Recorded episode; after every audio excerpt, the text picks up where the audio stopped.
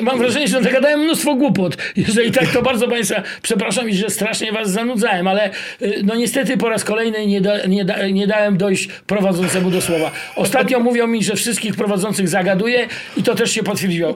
Przepraszam, chyba jestem pierdolnięty. Sorry. Zapraszam Was na dobry przelot. Jeśli Wam się spodoba, śmiało subskrybujcie, komentujcie, wpadajcie częściej i dajcie znać, kogo chcielibyście zobaczyć w kolejnych rozmowach. Bawcie się dobrze. Witam bardzo serdecznie. Krzysztof Skiba dzisiaj naszym gościem. Bardzo Ci, y, Krzysztofie, dziękuję, że Witam znalazłeś wszystkich. czas i, i przybyłeś. E, I bardzo się cieszę, no bo gościć takiego rewolucjonistę tutaj to jest, to jest wspaniałe też dla mnie zaszczyt. Natomiast zastanawiam się, e, z czym Ty teraz będziesz walczył w tej nowej Polsce, która nas czeka, no bo wróg został pokonany. I co w takiej e, sytuacji robi rewolucjonista? No, czy wróg został pokonany, to się okaże, bo oczywiście liczba e, posłów wskazuje na to, że opozycja ma szansę, szansę na utworzenie rządu. Natomiast m, jak widzimy, Jarosław Kaczyński i cała jego formacja tak z bólem, z bólem się rozstają z tą władzą i raczej będą się ciężko i długo jeszcze rozstawać. Także teraz przed nami taki okres przejściowy, tak można określić, ale są nawet tacy, którzy twierdzą, że tak naprawdę Jarosław, tak jak Lenin, zdobytej władzy nigdy nie odda. E, I, i zresztą takie mm, e, pewne jakby wskazówki ku temu są. Ale oczywiście no, myślę, że jednak to wszystko jednak zostanie pokojowo e, rozwiązane i nie dojdzie do jakiegoś stanu wojennego, do czołgów na ulicach i do jakiejś sytuacji takiej, o której mówi Antoni Macierewicz, że Tusk sprzedał Polskę, że za dwa tygodnie i 15 minut Tusk sprzedaje Polskę w Europie, jak na targu e, i należy w związku z tym e, no, takie powstanie jakieś patriotyczne tutaj uskutecznić. No, to wszystko e, jest niepokojące i to wszystko powoduje, że właśnie jesteśmy teraz w takim, takim przejściowym okresie, ale mam nadzieję, że, że, że, że ten trup PiSu, on będzie tak powoli umierał, on będzie jeszcze puszczał bąki, jeszcze dosyć smrodliwe i, i, i dosyć duszne, ale no, że pokojowo jednak oddadzą władzę. Tak a propos... Ale ja zawsze sobie, słuchaj, wracając, że już będzie, zakładamy, rozumiem, że twoje pytanie zakłada, No. że mamy już nowy rząd, i już jest, e, e, PiS jest w opozycji, Jarosław jest w opozycji i tak dalej, e, to powiem ci tak, że ja zawsze znajdę sobie, ja nie, nie zamierzam być apologetą tego nowego rządu, także jeżeli tam, a tam też nie brakuje jakichś dziwnych osobników, na przykład ku mojemu e, przerażeniu i zaskoczeniu do Senatu dostał się Waldemar Pawlak, no karta już zupełnie zgrana i człowiek, który wiesz, nie wiem czy wiesz, że on jak kicha to nie rusza żadnym mięśniem, e, czyli człowiek maska, człowiek, który był premierem tego kraju dosyć takim nieudacznym, naczelny strażak kraju, o nim tak mówią, bo był zawsze, miał jakieś przełożenie na ochotnicze straże pożarne. I pewnie on powinien być takim dożywotnim właśnie, nie wiem, honorowym prezesem OSP albo jakimś takim człowiekiem remiza, remizą, który tam w tych remizach jest hołubiony, ale czy on powinien wracać do wielkiej polityki? Tu mam spore jakby wątpliwości i paru takich złogów, e, szczególnie właśnie w PSL-u się, się dostało. No ale cóż, no, taki był, taki był, e, taka była decyzja wyborców i e, takich ludzi wystawiono na tych listach. E, moim zdaniem PSL to zgrana karta i, i, i dobrze, że jest trochę nowych ludzi hołowni, chociaż oni też są niepewni, bo nie mówi się o nich, to, to ich nikt nie zna. No, być może to jest taki cookies 2, wiesz, e, ukryty, trochę bardziej inteligentny, trochę bardziej mm, w formie takiej, wiesz, e, e, ekskluzywnej, wiesz, ale tego nie wiemy. No natomiast no, e, gdzieś tam z sympatią jestem za całym tym rządem nowym, opozycyjnym, za tą dawną opozycją, a, a, a być może za, za, za dwa miesiące już nową władzą, ale to nie znaczy, że nie będę się z niej naśmiewał, no wiesz, ja, ja zawsze się naśmiewałem z tych, którzy są u władzy, no jak, jak Lech e, e, Wałęsa był prezydentem, to, to Bikcys napisał piosenkę e, Nie wierzcie elektrykom, wiesz, no jak Kwaśniewski był prezydentem, to e, Bikcys śpiewał Kwas jest żerący i wypali nawet bardzo tęgi mózg, także e, akurat tak się złożyło, że ta władza, która przez 8 lat ostatnio dzierżyła stery e, rządów, e, jakoś tak niespecjalnie lubiła ani satyryków, ani muzyków rockowych, ani w ogóle nie, nie lubiła dowcipów na swój temat szczególnie.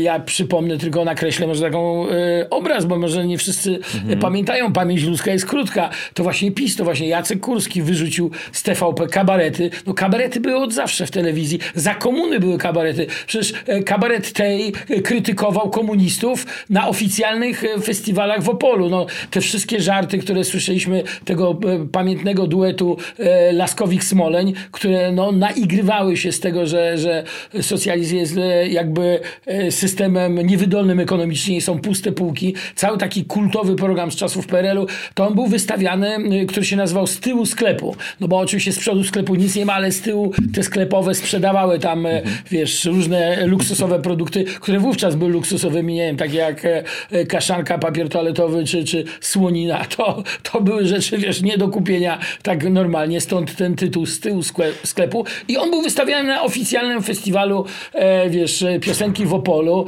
Krążył później na kasetach wideo, krążył na kasetach magnetofonowych jako, jako po prostu no, takie wolne słowo. I to się za tych strasznych komunistów działo. Natomiast no, no, za zapisu właśnie kabaretom w, w TVP. E, oczywiście one były gdzieś w Polsacie, w innych jakichś w internecie. Dzisiaj nie jest tak łatwo kontrolować to wszystko, ale jednak no, to jest władza, tu już robię kropkę, która za humorem na swój temat nie przypada. Ale właśnie ta twoja historia e, i, i PRL-owska i późniejsza jest bardzo ciekawa, więc też trochę o to chciałem cię zapytać, ale najpierw patrząc trochę i referując to do współczesnych czasów, czy ty dzisiaj w środowisku, czy artystycznym, czy społecznym widzisz kogoś, kto jest takim uosobieniem, uosobieniem tego środowiska rebel, kto byłby e, takim odpowiednikiem współczesnym tego waszego pokolenia punkowych anarchistów walczących z systemem? Wiesz co, no bardzo dużo jest takich grup, no chociażby e, Lotna e, Brygada Opozycji, to jest e, taka grupa happeningowa z Warszawy, która robi fantastyczne happeningi, nie wiem czy nie lepsze niż te, które myśmy robili w latach e, e, 80. No, to są ci ludzie, którzy na przykład e, e, na Halloween przynieśli e, e, dynię e, Jarosławowi Kaczyńskiemu i dynia została aresztowana. Nie wiem, czy znasz ten happening. To są ci ludzie, którzy śpiewali pod domem Kaczyńskiego e, przed wyborami ta ostatnia niedziela. E, jutro się rozstaniemy. No, słynny przedwojenny hit, który był dosyć wymowny. No, zresztą na, cała masa różnych naprawdę niezłych happeningów w wykonaniu tej lotnej brygady opozycji. Zresztą ja nakręciłem wspólnie z nimi, e, jakby mm, e, podając sobie takie rewolucyjne ręce różnych pokoleń, mm, wspólnie teledysk pod, zresztą nie do końca legalnie kręcony teledysk pod gmachem Narodowego Banku Polskiego. To była piosenka mm, o panu Glapińskim, który jak wiemy jest ojcem inflacji będzie jeszcze pewnie przez jakiś czas. E, I taki mieliśmy taki, taki śmieszny teledysk na, na jego temat e, wspólnie z takim młodym raperem Dominikiem Karnejem e, to na, nakręciłem. Ja, ja, tam, ja tam rapuję razem z nimi i e, występują nasi, nasi ludzie, parodujemy. Ja gram właśnie rolę e, Glapińskiego. Niektórzy twierdzą, że całkiem nieźle, gdyż jesteśmy podobnych gabarytów. E, więc e, i, nie, i to, to taki, i właśnie tam w niektórych scenach e, występują, występuje ekipa Lotnej Brygady Opozycji, ale takich pomysłów happeningowych, które były wykorzystywane, na przykład e, podczas akcji protestacyjnych e, w ciągu ostatnich 8 lat było dość sporo. E, Niektóre z nich były przeinteligentne i naprawdę bardzo ciekawe i e, trzeba też znać trochę historię sztuki, żeby pojąć ich głęboki sens. No, był na przykład taki słynny happening w latach 60., absolutnie niepolityczny. Ojcem happeningu w Polsce, czy takim kontynuatorem tych happeningów amerykańskich, francuskich w Polsce był oczywiście Tadeusz Kantor, czyli założyciel teatru Kriko 2, e, wybitna postać e, teatru takiego awangardowego e, i on zrobił taki happening, on właśnie jako pierwszy robił happeningi e, w Polsce, zupełnie happeningi e, artystyczne i w latach 60. był taki happening, e, gdzie w Warszawie z e, jednej galerii do drugiej został przeniesiony list. List miał 16 metrów, niosło go 16 listonoszy. I to jest taka fajna akcja sceniczna, no, e, po prostu to był chyba list z galerii e, Zachęta, który szedł do, nie wiem, chyba nawet do Ministerstwa Kultury, już teraz dokładnie nie pamiętam. I e, ten pomysł powtórzono oczywiście teraz w czasie, w czasie protestów i kilkanaście osób niosło wielki list e, do, e, do Ministerstwa Kultury z jakimiś tam no, hasłami opozycyjnymi i to było nawiązanie do tego happeningu, no ale no, wiesz, trudno od e, policji wymagać znajomości sztuki, czy e, że to, jest jakieś nawiązanie do czegoś, no po prostu wiesz, policja ma e, instrukcję, że to jest nielegalna manifestacja, te osoby niosą jakieś dziwne hasło stało i po prostu te osoby zostały zatrzymane, spałowane i trzeba było ich wykupywać wszystkich z więzień, więc e, takich, takich ciekawych historii było dosyć dużo.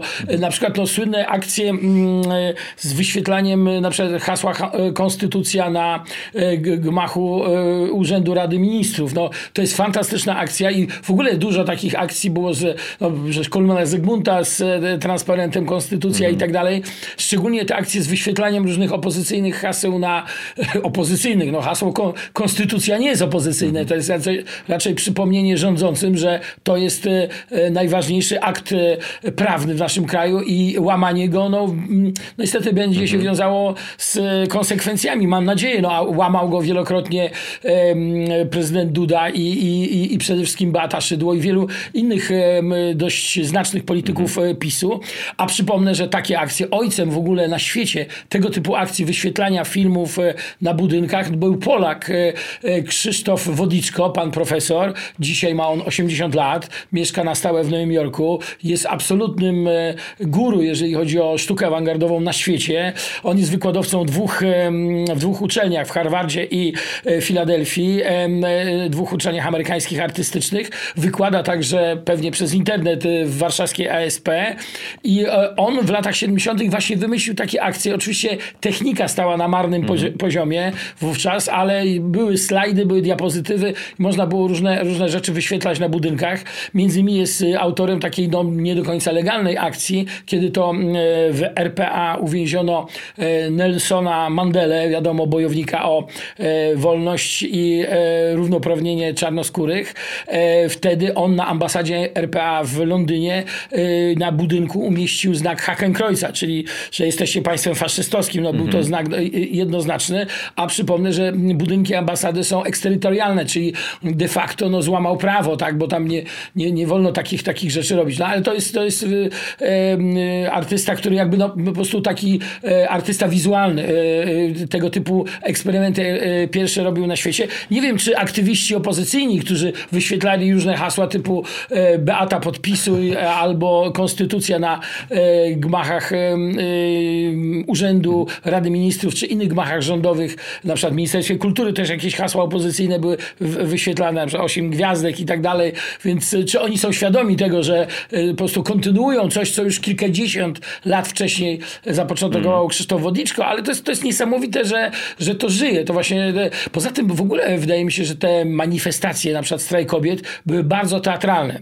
Ja z wykształcenia jestem teatrologiem, więc potrafię to docenić. Na przykład ta prosta, to jest happening, ale to ma też e, prosta identyfikacja. Żeby zrobić taki happening z udziałem tysięcy ludzi, musisz wymyśleć jakiś prosty rekwizyt, który każdy ma w domu. A każdy ma w domu parasolkę. Więc jeżeli, jeżeli ludzie, dziewczyny szły z tymi parasolkami, to to było bardzo, marsz czarnych parasolek to było bardzo wymowne. Każdy ma w domu wieszak. Wiadomo, chodziło o nawiązanie, że e, dawniej aborcję dokonywano przy pomocy takie no, babki jakieś pokątnie gdzieś w piwnicach przy pomocy wieszaków dokonywały tej aborcji. Więc jeżeli był taki marsz i tysiące e, kobiet maszeruje z wieszakami, to też jest bardzo, bardzo takie wymowne.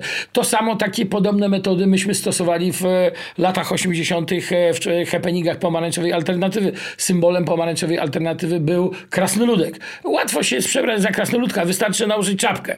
W ogóle czapka zmienia człowieka. Jak idzie normalny facet, tak nałoży cylinder, to on jest już kimś innym, tak? Jak ja bym zdjął tą czapkę, też bym, inaczej wyglądał. Natomiast e, e, nie trzeba było się za całego krasnoludka przebierać, wystarczyło nałożyć czapkę krasnoludka. Czapkę krasnoludka było bardzo łatwo uszyć. Kawał pomarańczowego mm, e, materiału z jednej strony się ucina, z drugiej strony się hmm. przyszywa, już jest czapka. Więc... A jakie emocje wam towarzyszyły w tych happeningach? Bo one były fantastyczne. Ta słynna twoja galopująca inflacja, czy a propos tej ostatniej niedzieli, jak wy śpiewaliście przy tej akcji Pomóż milicji, pobij się, się sam, sam, nie? Tak, tak. To, to, to są świetne akcje. Jakie wam emocje? Czy, wy, czy to była taka rozrywkowa, wesoła, bo jak się o tym opowiada, to to jest we, wesoła historia, ale one się często kończyły spałowaniem przez milicję. Spałowaniem i zatrzymaniem. No I bardzo często scenariusz przewidywał zatrzymanie, bo mm, wiesz, ZOMO czy siły porządkowe nieświadomie też były członkami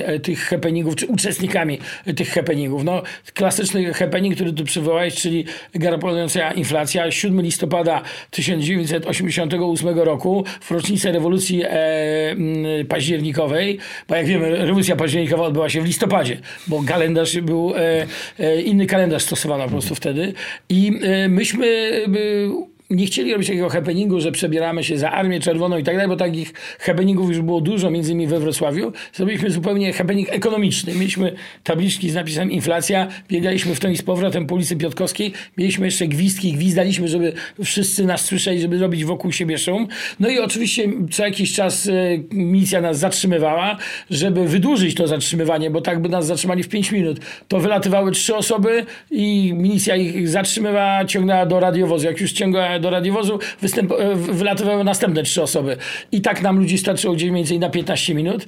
E, I, i, I oczywiście następnego dnia było na ulotkach wydane oświadczenie, że dziękujemy Milicji Obywatelskiej, bo ona zatrzymała galopującą inflację. I wtedy oni się jakby domyślili, że oni są częścią e, pisanego przez nas scenariusza. Więc, więc to, to, to było dosyć istotne. A pytasz o emocje. No, emocje to była adrenalina. To wiadomo, to po prostu jak działasz na ulicy, to może może dojść do niekontrolowanego mm, wiesz, rozwoju wypadków. No po prostu musisz być e, czujny. Ja zresztą w tym czasie między e, przez parę lat występowałem w teatrze ulicznym, takim studenckim, no takim bardziej już e, legalnym, koncesjonowanym, ale tam też graliśmy na ulicy, występowaliśmy na różnych festiwalach ulicznych i o ile w budynku teatru możesz kontrolować tą publiczność, bo ona kupuje bilet, przychodzi, na ogół jest kulturalna, jak już ktoś wydaje pieniądze na twój występ, no to wiadomo, że jest twoim fanem albo jest przynajmniej jakoś tam zainteresowany na ulicy, to jest inaczej. Trafiasz na przynajmniej w 80% przypadkowych ludzi. Tak samo było na happeningach. Uczestnicy byli świadomi tego, co się może zdarzyć i jaki jest scenariusz i jaki jest nasz cel. Natomiast y, widzami, czy też częściowo uczestnikami były osoby przypadkowe.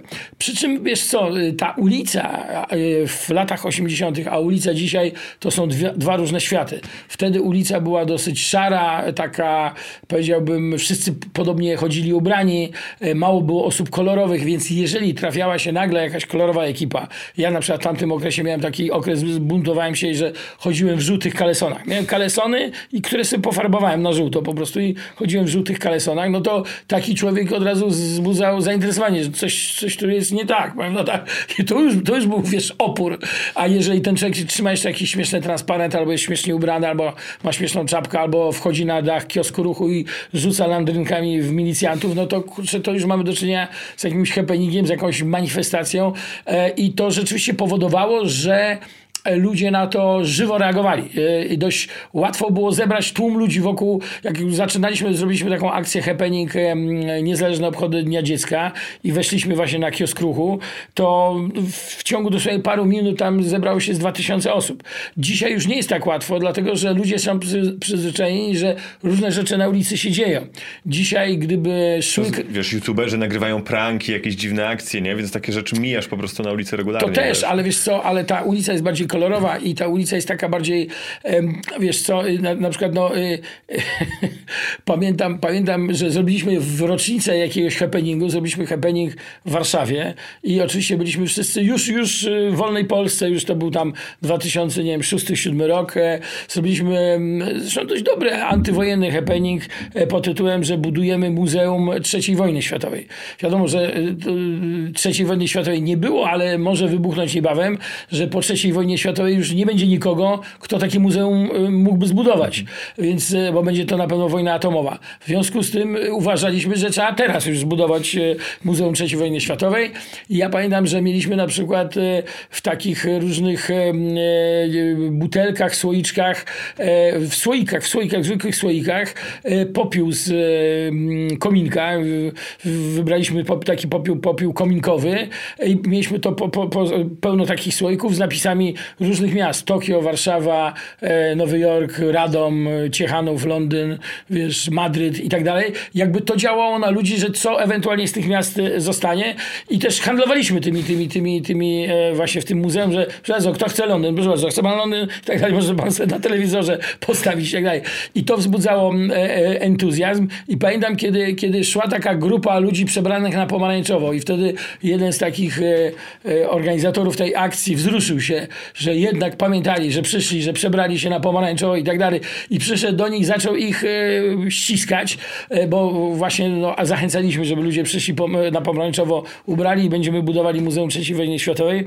No i co się okazało? Że ci ludzie byli zaskoczeni, że my ich ściskamy. O co chodzi? Że to była po prostu reklama jakiejś telewi- tej s- telefonii komórkowej Orange. Oni byli po prostu na pomarańczowo uda- ubrani służbowo. Im płacono za to i oni na ogół, wiesz, rozdawali jakieś e, ulotki, Ulotki, no. i ludzie uciekają przed tymi ulotkami, bo nikt nie chce brać tych śmieci, wiesz, bo co chwilę ktoś, a tu jakaś pizzeria rozdaje ulotkę, to jakaś, wiesz, nie wiem, ubezpieczalnia, to jakaś właśnie telefonia komórkowa i tak dalej. Ludzie tych ulotek już nie biorą, a myśmy te akcje robili w czasach, kiedy nikt nie rozdawał żadnych ulotek, bo nie było komercyjnych, wiesz, historii, bo po prostu do, do każdego sklepu stała kolejka, więc ulotki były reklamowe, nie były potrzebne. Sklepu mięsnego nie trzeba było reklamować, bo o czwartej rano już stała kolejka, e, a o ósmej otwierali, że może jakąś kiełbasę rzucą i tak dalej.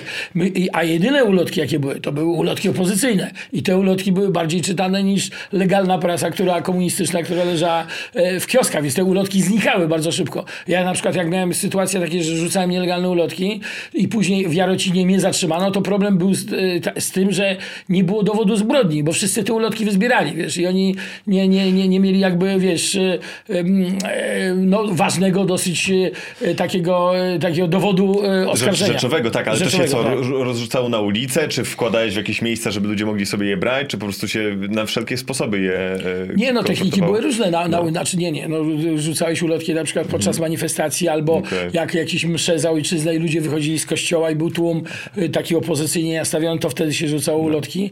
No ja rzucałem ulotki na przykład na też RSA rzucało ulotki, takie ugrupowania Mhm. anarchistyczne Tak, y, na różnych festiwalach rockowych. Nie tylko w Jarocinie, ale wszystkich koncertach możliwych, jakie, jakie, jakie były. Y, kon- Koncerty kapel punkowych były regularnie ulotkowane i tak dalej.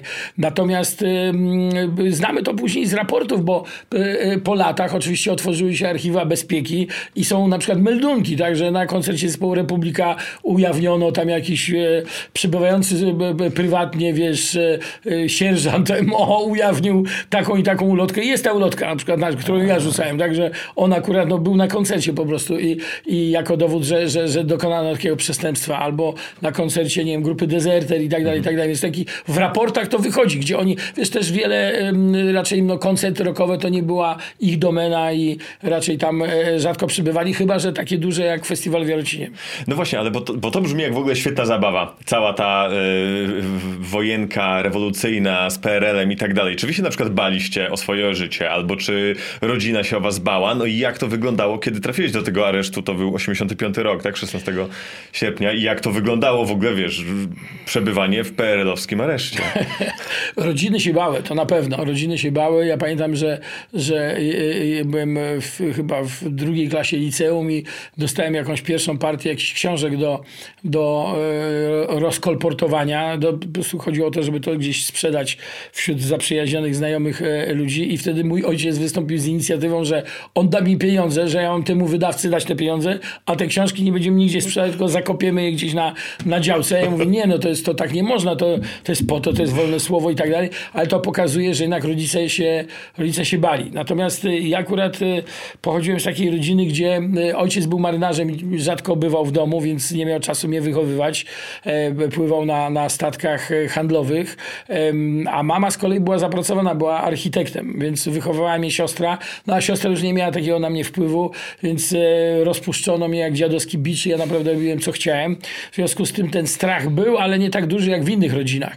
Na przykład pamiętam, że jeden z kolegów z liceum Matka zabrała mu buty, żeby nie poszedł na manifestację. I on na bosaka przyszedł do mnie i ja mu dałem jakąś swoją drugą parę i pożyczyłem mu i on w takich dosyć przyciasnych, bo był wyższy ode mnie, przyciasnych butach, ja już swoich, poszliśmy na manifestację. Więc y, tego typu historie, historie bywały. Natomiast no wiesz, nie, nie, nie boi się tylko wariat, wiadomo. Natomiast rzeczywiście no ja należałem do takiego środowiska ludzi dosyć, którzy mieli, wiesz, dosyć połamane życiorysy, dosyć takich e, e, środowisk alternatywnych, które które e, tak czy inaczej były już po prostu e, wewnętrznie już były tak antysystemowe i opozycyjne, że jakaś e, forma walki takiej czy innej to była dla nich coś jakby oczywistego i normalnego. Taki sens życia wam to nadawało, że czuliście brak perspektyw, więc to była jedyna droga, coś w tym stylu? Brak perspektyw to jedno, no, to, to była rzeczywiście, no, w, w, w komunie mogłeś zrobić karierę tylko i wyłącznie przy pomocy jakichś partyjnych szczebli do kariery, czy, czy trzeba było się ześwinić, żeby, żeby, żeby na przykład być w mediach. No, nie, nie dało się być czystym w mediach. No. Większość te osoby bardziej lub mniej, ale były jakoś umoczone e, w system. Więc no, Chyba członkiem partii trzeba było być w ogóle, żeby występować w mediach. W większości tak, tak, tak, tak. W większości tak. No nie, nie wszyscy, no nie przesadzajmy. Byli też ludzie, którzy nie, nie byli w partii, a byli w mediach, ale na pewno nie w programach e, politycznych. Tam, tam e, raczej to obowiązywało. Wiesz co, w latach 80. to się wszystko już zmieniało, dlatego że już była Solidarność, już była no tak. sytuacja taka, e, w modzie było rzucanie legitymacji partyjnych. Nawet ci, którzy byli kiedyś w partii, no po tych strajkach w sierpniu, a szczególnie po stanie wojennym właśnie rzucali legitymacje partyjne, bo, bo no tak, tak było, to było modne i to było w dobrym tonie i to było, że no z wami to już nie chcę mieć nic, e, taki przynajmniej symboliczny akt, że z wami nie chcę mieć e, nic do czynienia. Wiesz co, co, co do samego zatrzymania w Jarocinie, nie chcę tutaj, żeby to było takie mocno kombatanckie i takie, wiesz, bo, bo, bo takie cierpiętnicze, bo to były też elementy zabawowe w tym. No, my byliśmy też młodymi ludźmi. No. System nam przeszkadzał. Ja tak naprawdę byłem mega zabawowy, a system przeszkadzał mi się bawić. W związku z tym ja walczyłem z nim, żeby móc, móc normalnie się realizować. Nie, nie byłem jakby z ducha rewolucjonistą, tylko stałem się nim z przymusu, bo, bo system zabraniał mi, e, nie wiem, wydawać gazetek, bo trzeba było mieć e, koncesję, trzeba było mieć zgodę cenzury i tak dalej. E, kabarety, wszystko było kontrolowane przez właśnie Urząd Kontroli Publikacji Widowisk, zwany w skrócie Główny Urząd Publikacji Kontroli Wydawnictw, natomiast w skrócie zwany cenzurą tak, tej, tej nazwy. Zresztą sama cenzura była też, yy, nazwa była też cenzurowana. Nie? W mediach nie było, wolno było pisać legalnych o, o cenzurze. Wiesz, mówiono o jakimś potrzebie, kontroli i tak dalej. To, to zupełnie inaczej brzmi. Tak samo jak na przykład przez pewien czas, jeszcze w latach 70., 60., 70. Yy, i, i na początku lat 80. nie używano słowa strajk. No, słowo strajk było, no jak w socjalizmie nie ma strajków. Mówiono przerwy w pracy. Wiesz? Nieuzasadnione przerwy w pracy. Że w Warszawie doszło, w Hucie Warszawa doszło do nieuzasadnionych przerw pracy to nie wiesz co zrobić. Upili się czy co, czy, czy wiesz, obejrzeli serial Dynastia i zapomnieli przyjść do roboty, no wiesz, nieuzasadniona przerwa pracy. To były protestacyjne strajki, ale tak wprost nie można było e, pisać. Właśnie pisano, mówiono często między wierszami. To, to niektórym do dzisiaj zostało, że, że właśnie, że właśnie wolny świat e, wypowiadał się e, w prostych słowach, wprost. Właśnie kapele punkowe zachodnie, a angielskie na przykład, to mówiły wprost, coś ich wkurzało, to, to o tym mówili, o tym pisali. A a u nas nie. U nas być może to było też e, o tyle ciekawe, że roz, rozwijało wyobraźnię, bo, bo takie pisanie między wierszami, właśnie jakieś puentowanie rzeczy i tak dalej odpowiednie spowodowało, że no... To jest bardzo kreatywne. To, bardzo Ten kreatywne, przekaz tak, jest tak. ciekawszy, bardziej Właśnie taki dzisiaj jakby konsument internetu zgłupiał, bo dzisiaj on jak nie ma ikonki, że jest śmiech, a śmiech, aha, to jest śmieszne. A, a to, to, to nie wiesz, kiedy jest. Ja na przykład, e, zresztą to, to, to tutaj autorem tych słów jest wybitny polski poeta Marcin Świetlicki, który powiedział, że właśnie przez internet ludzie zgupieli kompletnie, bo nie wiedzą, czy nie ma jakby w internecie masowo, nie rozróżnia się, co to jest sarkazm, co to jest ironia. Te rzeczy są w ogóle nie, nie, nie, nie czytane. Tak? Czyta się wiele tekstów wprost. E, bardzo często ja mam z tym problemy, bo na mojej stronie jest dużo takich e, tekstów sarkastycznych, właśnie ironicznych i tak dalej i niektórzy kupują je w tej pierwszej warstwie, nie rozumiejąc w ogóle e, o co chodzi. Więc, e, a żenadą jest tłumaczenie dowcipów. No więc e, na, najśmieszniejsze jest to, że satyrycy często mówią coś ironicznie i mówią całkiem serio, natomiast politycy mówią serio, ale brzmi to jak dowcip. Więc to, to pomieszanie jest dosyć tutaj znaczące. Że, że, Ale to jest też ciekawy temat, bo... Mm Jaki jest w takim razie twój stosunek do politycznej poprawności? Bo sam nawet powiedziałeś coś takiego, że pewne żarty dzisiaj by zupełnie nie przeszły, że, że ten kultowy program, który robiłeś na początku lat 90. Lala Mido, to, to, to on dzisiaj by nie mógł pójść i przejść, nie? Więc... Y, czy, czy jest granica żartu? Czy jaki masz stosunek do tej współczesnej wrażliwości takiej społecznej i, i politycznej poprawności? Słuchaj, na ten temat są różne e, teorie. Oczywiście ja jako komik satyryk jestem raczej przeciwko poprawności politycznej, ale rozumiem też, że ona być może w kulturze m, takiej właśnie m, parlamentarnej mówi się język parlamentarny, chociaż ja wiem, czy posłowie używają języka parlamentarnego. Już chyba nie. Z trybuny sejmowej już padły wszystkie możliwe inwektywy i, i, i określenia i, i szyderstwa. Natomiast em, to, to myśl, wydaje mi się, że to też e, nie szkodzi jakby m, debacie publicznej. Natomiast debacie publicznej szkodzi no, prymitywizm. No, jeżeli ona się e, zniża do tego poziomu, który teraz mamy, czyli że ci posłowie czy tam in- interlokutorzy w programach e, publicystycznych właściwie ze sobą nie dyskutują. Oni po prostu ze sobą e, no, na, na, na, są napuszczani. wygłaszają tezy swoje. Wygłaszają nie? swoje manifesty tezy, tezy, nikt nikogo nie słucha. Nie, bo to jest też wynikiem e, pewnie jakiegoś e, PR-owskiego szkolenia i takiego też medialnych doradców, którzy mówią, słuchaj, nie odpowiadaj na jego pytania, bo się zgubisz, bo po prostu tak cię dobije pytaniami, że, że po prostu wbije cię pod chodnik. W związku z tym mów pan kłamie i po czym wygłaszaj swój manifest. I to jest, to jest tak, tak, to widać, że ci ludzie są bardzo często szkoleni i na przykład takim człowiekiem jest um, Antoni Macierewicz, który właściwie od um, 10-15 lat nie udzielił żadnego normalnego wywiadu. On we wszystkich wywiadach krzyczy i trzeba, dziennikarz go słucha, a on wygłasza jakieś manifesty, jakieś swoje tezy, jakieś, e, jakby w ogóle nie, nawet nie słucha pytań, prawda, nie odnosi się do pytań. Bo jeżeli pada pytanie, no kulturalnie powinno być, no, żeby jakoś na to pytanie próbować odpowiedzieć, tak? A, a tutaj tak masz rację, że to są takie, no, po prostu takie deklaracje. Natomiast jeżeli chodzi o scenę, o satyrę, o komedię, e, to na przykład w stand-upie e, nie obowiązuje żadna cenzura jeszcze, bo być może, mo, może, może będzie.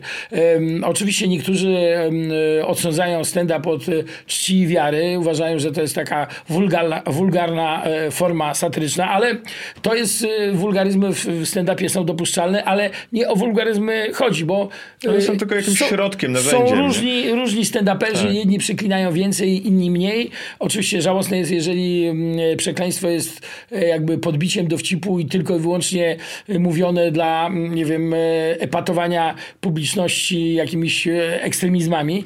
Natomiast no, ja spotkałem się z, z, takimi em, tematami, które w społeczeństwie uważane są za tematy tabu, a właśnie w stand-upie nie ma tematów tabu.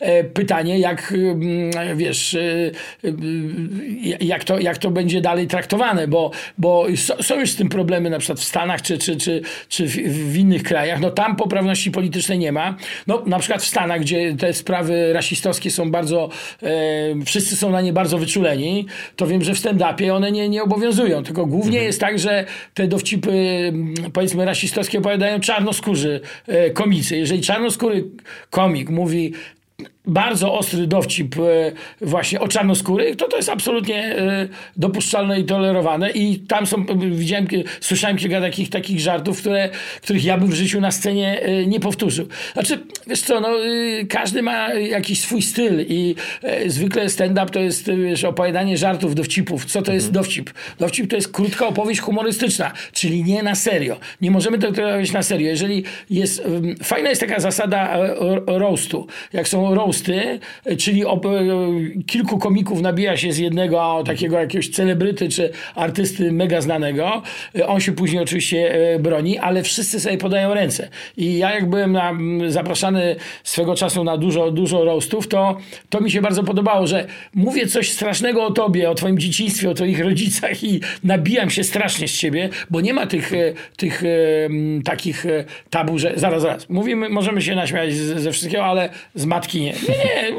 Z komicy bardzo często z matek swoich kumpli też się na, naśmieją, ale później podajemy sobie ręce, czyli jakby to jest taki symbol, że... Konwencja, jesteśmy w konwencji Tak, że, że to nie jest na serio i tak dalej. Co oczywiście wiele osób nie rozumie i, i, i to wiele osób oburza. Tak, ale to jest sfera artystyczna i występ y, rządzi się swoimi prawami. A mnie trochę bardziej chodzi o taką y, szeroką przestrzeń publiczną, że ktoś coś powie w przestrzeni publicznej i na przykład nie do końca ma taką intencję, a nie inną. Żeby to zobrazować przykładem, no to powiedzmy y, ostatnio e, z, z drużyny, której kibicuję, e, była taka sytuacja, że zawodnik, żeby pod, w Manchesterze United, młody piłkarz, wrzuca post ze zdjęciem swojego bramkarza czarnoskórego i okrasza go mm, e, emotką tam goryla, żeby podkreślić, że siła tego bramkarza, że świetnie się spisał, bo tam obrona, ob, obronił karnego. I teraz Federacja Piłkarska sprawdza, czy to nie jest rasizm, a ten bramkarz publicznie oświadcza, że ej, jakby sorry, to ja zdecyduję, kiedy ktoś mnie obraził, a nie wy.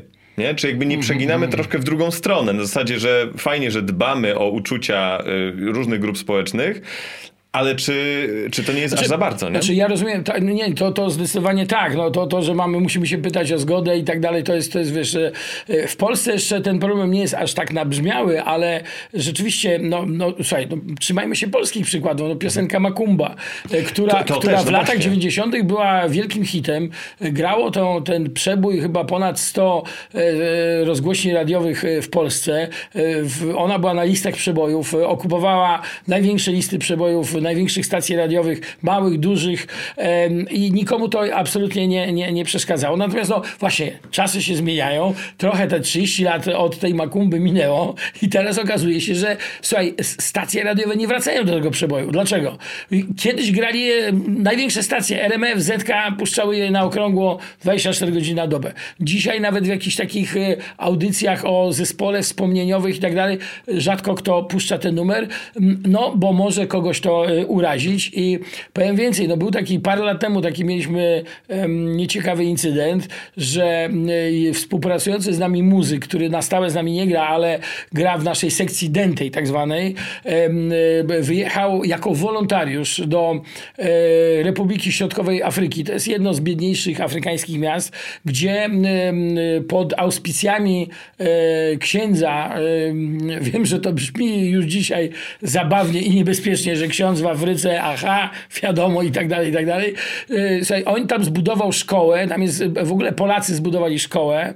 Ten kraj jest ciągle, wiesz, raz, że tam, wiesz, wersja i biedny gospodarczo i oczywiście y, są i y, problem głodu i tak dalej, i tak dalej, ale między innymi, no, też brak kompletnej edukacji. Właśnie ten, tą, tą bolesną lukę tutaj przynajmniej w jakimś wymiarze próbowali na, na, nadrobić, naprawić polscy misjonarze i zbudowano tam szkołę i, i, też zbudowano przy tej szkole była jakby szkoła muzyczna.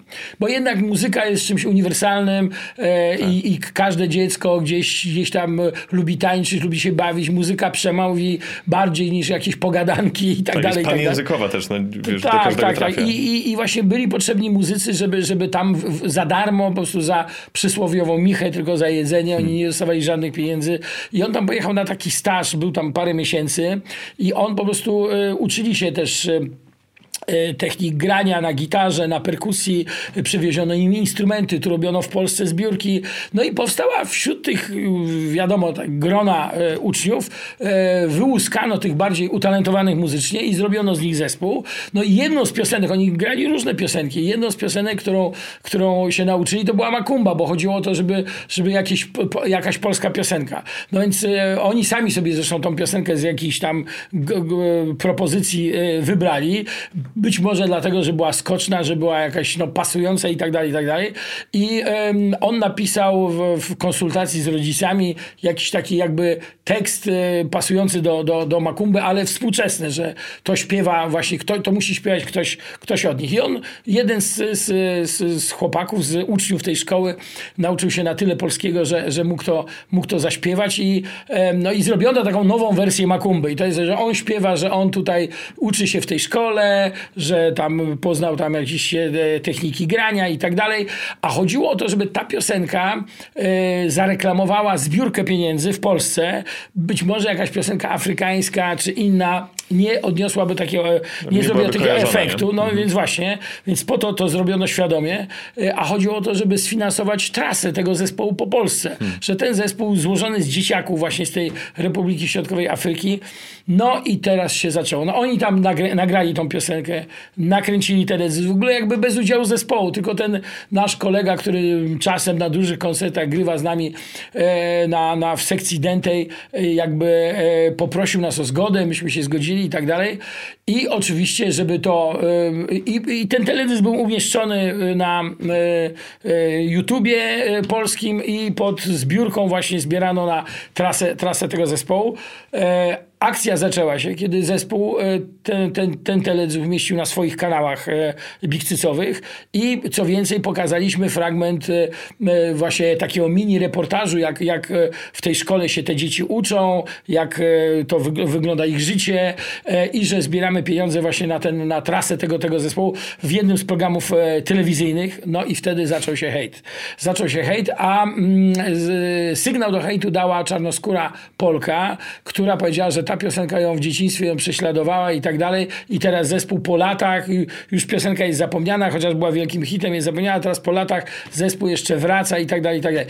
I, i tu potoczyła się właśnie dyskusja e, na temat, który zadałeś, czy, czy jak, z tą poprawnością polityczną, czy, czy to jest e, tylko i wyłącznie dbanie o kulturę, żebyśmy nie obrażali słabszych, e, nie wiem, osoby niepełnosprawne, osoby o innym kolorze skóry, osoby o innym wyznaniu, czy to jest po prostu wyraz naszej, naszej dbałości o kulturę, o e, kulturę towarzyską, kulturę nieobrażania, e, czy to też jest może czasem e, jednak przesada, która nam zaczyna kneblować usta i, i knebluje na przykład satyrę i, i, i mnóstwo ludzi wypowiadało się przeciw tej piosence i że Bigcyc jest w ogóle, są rasiści, najgorsi i tak dalej, a mnóstwo ludzi wypowiadało się też, że zmieńcie tego kija w dupie, bo po prostu wyjmijcie tego kija z dupy, bo po prostu przy takim sztywniactwie nie da się żyć, nie da się opowiadać żadnych żartów i to też wpływa trochę na, na naszą wolność, że to zaczyna e, ograniczać naszą wolność, że już teraz e, piosenka, która kiedyś no, jakby została zrobiona w dobrych intencjach, bo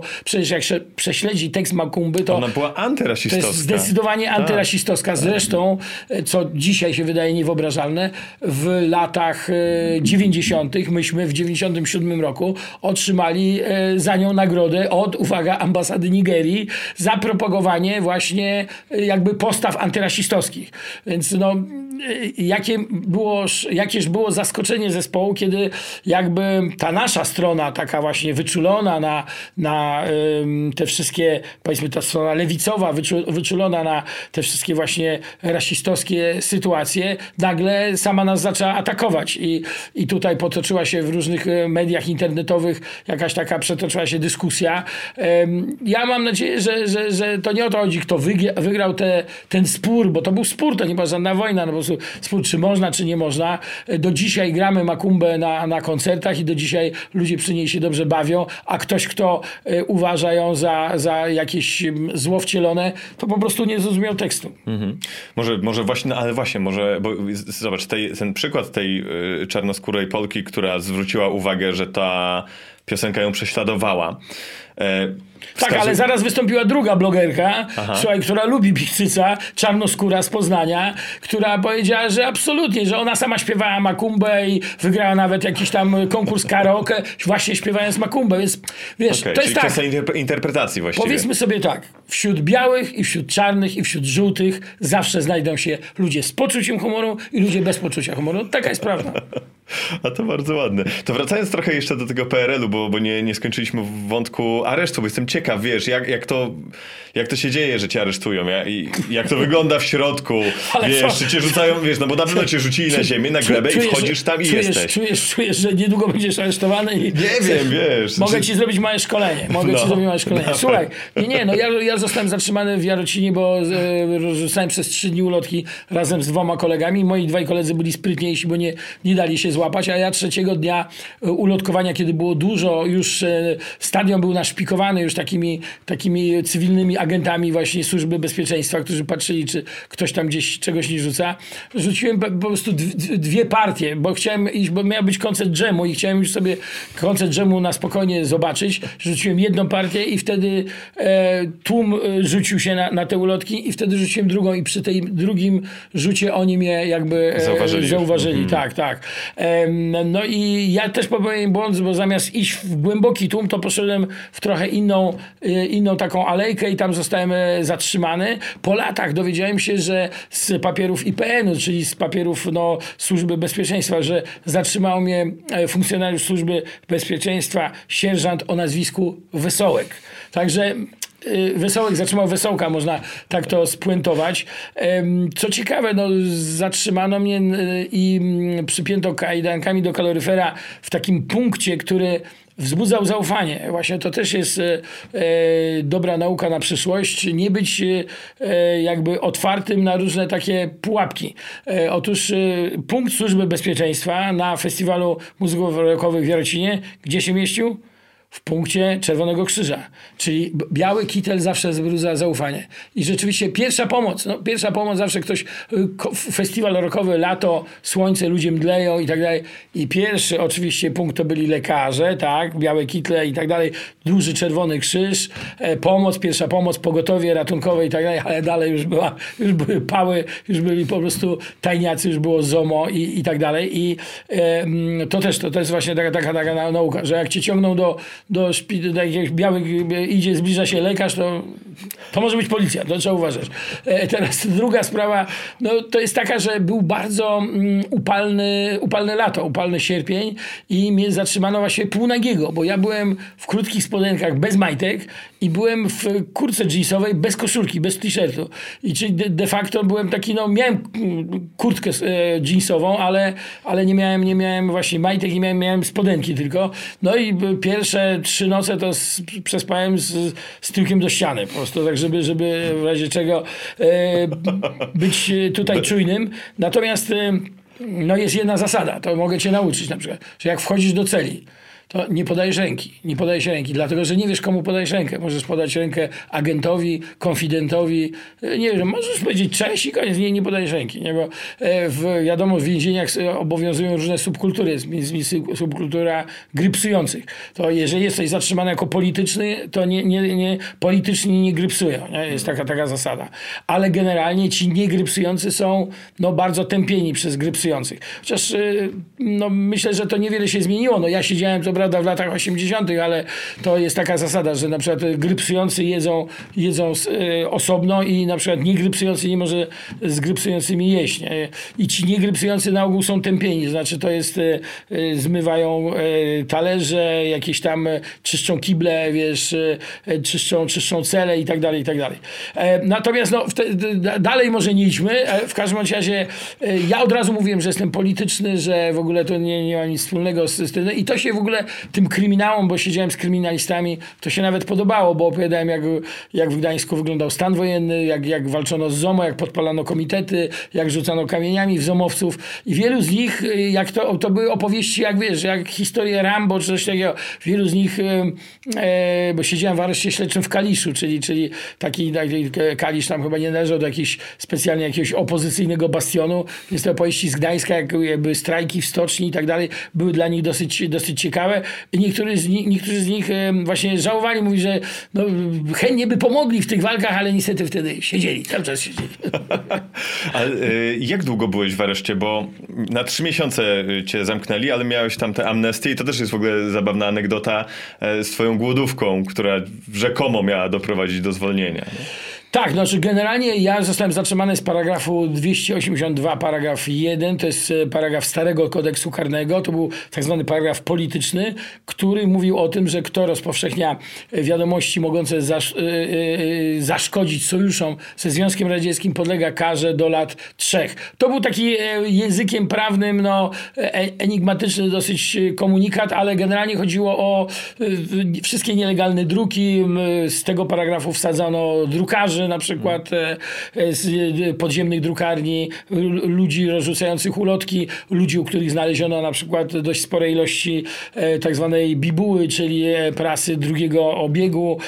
No to, to był ten paragraf, no, że, że każda taka gazetka mogła zaszkodzić sojuszom ze Związkiem Radzieckim, także ja rzucając te ulotki walczyłem ze Związkiem Radzieckim, tak przynajmniej kodeks mnie potraktował i to było e, przewidziano 3 lata więzienia.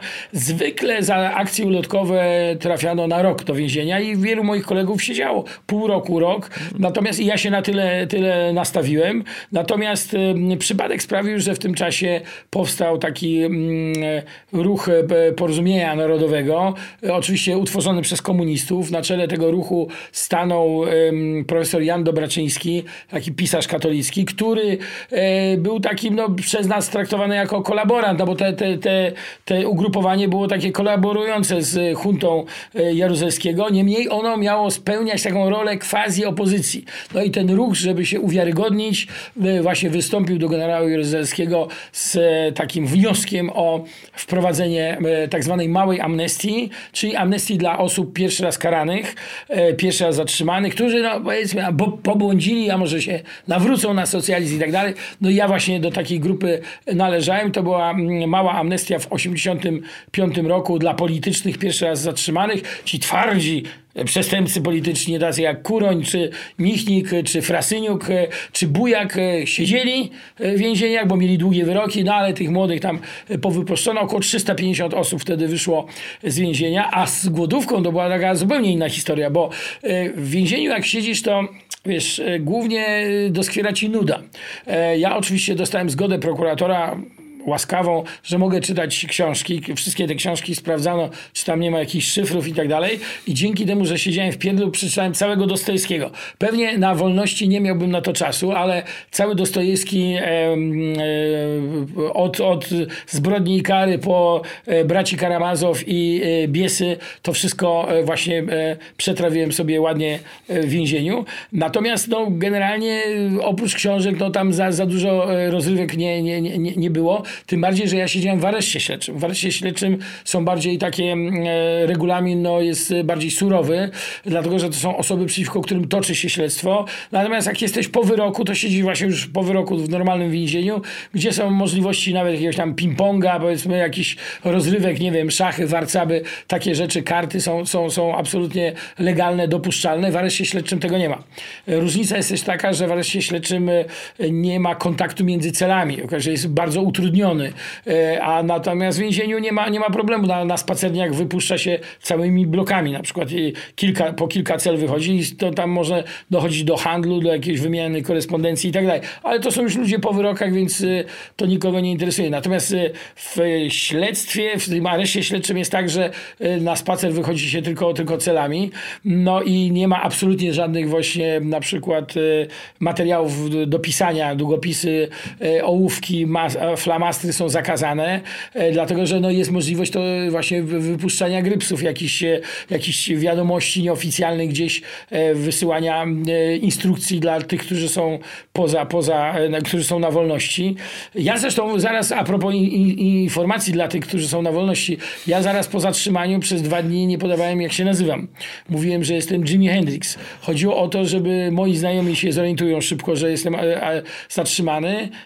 Pojechali do domu, wyczyścili wyczyścili chatę z, z Bibu i potem jak już przyszła po trzech dniach służba bezpieczeństwa, no to dom był e, czysty i to zresztą współgrało z, moim, z moimi zeznaniami, bo ja cały czas twierdziłem, że przypadkowo są zatrzymane i ja nawet mogę opisać tego, co rzucał ulotki, bo wiem jak wyglądał, bo przy mnie, przy mnie rzucał, ale to nie ja, to panowie się tutaj pomylili. No i jakby e, czysta chata pozbawiona wydawnictw e, nielegalnych e, to potwierdzała taką, taką moją tezę. No, niemniej jednak no, zeznania pana Wesołka, czyli funkcjonariusza Służby Bezpieczeństwa były takie, że on konkretnie mnie widział, prawda, że, że to ja rzucałem. Więc e, wracając do, do, do życia więziennego, no, a propos tego, że nie wolno posiadać e, ołówków czy długopisów, to kiedyś pamiętam, że w czasie przesłuchania udało mi się ukraść długopis e, temu bezpiekowi, który mnie przesłuchiwał, bo dostał jakiś telefon, właśnie ja w tym czasie ukradłem długopis, przemyciłem go w majtkach, no i wtedy to była wielka radość, dlatego, że mogliśmy grać w statki na przykład, albo, albo rozwiązywać krzyżówki właśnie, także no przy jakimś tam kontroli, tak zwanym kipisz, bo kipisz, taka rewizja, to się nazywa kipisz w, w celi, no ten, ten długopis został zarekwirowany. E, no i właśnie. A, a wracając, tak, wracając jeszcze głodówkę, że tam głodówka, głodówka. graliście, zabrali wam tak, piłkę Tak, graliśmy, i... graliśmy, więc ja wymyśliłem taką grę na spacerniaku, bo też ten spacerniak był bardzo mały i chodzenie w kółko to tak jak po prostu jakiś, jakiś lew w klatce, tak, czy, czy, czy ma, bardziej może małpa w klatce, więc y, ja wymyśliłem y, grę w piłkę, to coś ala przypominało to piłkę ręczną, e, po prostu mieliśmy, tylko się, ona się nie odbijała, tylko chodziło o, y, mieliśmy dwie bramki takie fikcyjne zrobione i na punkty po prostu graliśmy, a piłka była zrobiona z mojej skarpety i z ugniecionej gazety i zawiązana jakoś tam gumką. I to się sprawdzało przez kilka, kilka takich naszych wyjść. No natomiast jedno i, i nawet ci klawisze jakby przymykali na to oko, bo to podobno nie było zgodne z regulaminem. No ale niestety jeden spacer i jedna, jeden mecz e, właśnie z grania w, w, tą, w tą, w tą e, pse, pseudopiłkę ręczną e, przypadł na dyżur jakiegoś takiego e, m, bardzo takiego służbisty, e, takiego klawisza, który zresztą mnie nie lubił. Zresztą ja w tym więzieniu byłem gorzej traktowany niż ludzie oskarżeni o morderstwa. To też jest ciekawe, niż kryminaliści. Byłem, no, byłem polityczny i powiedziano im, że to jest właśnie ten człowiek, który współpracuje z CIA i który chce, żeby tu Amerykanie przyjechali, ale po latach się okazało, że z kim miał rację. 85 rok i mamy dzisiaj wojska amerykańskie w Polsce, także już historia e, nigdy nie była. Ja pamiętam, że jeden, jeden z takich, z takich e, e, starych recydywistów mu, e, gnębił tych, tych, tych klawiszy mówią, że jak przyjdą Amerykanie, to się rozstrzelają. A on wtedy mówił, tak, ale zanim oni przyjdą, to ty tu zgnijesz. No chyba, chyba przyszli trochę wcześniej. No natomiast no oczywiście e, po zabraniu piłki i, i takim właśnie jakby no, zniszczeniu nam zabawy, ja uznałem, że to jest powód do kolejnego buntu i e, ogłosiłem głodówkę. I ciężko się prowadzi głodówkę, kiedy jesteś w wieloosobowej celi, byłem chyba tam wieloosobowej, no czteroosobowa cela, wszyscy jedzą, a ty nie jesz. E, tam pierwsze dwa dni to tam wesoło, byłem młody, wiesz, i tak dalej, ale po trzech dniach to już po prostu, no na tej głodówce, ja wiem, że moje dzisiejsze gabaryty nie wskazują na to, że Państwa, przepraszam, że jestem gruby, ale taka jest prawda ekranu. Natomiast wtedy byłem szczupły, młody, szczupły, przystojny.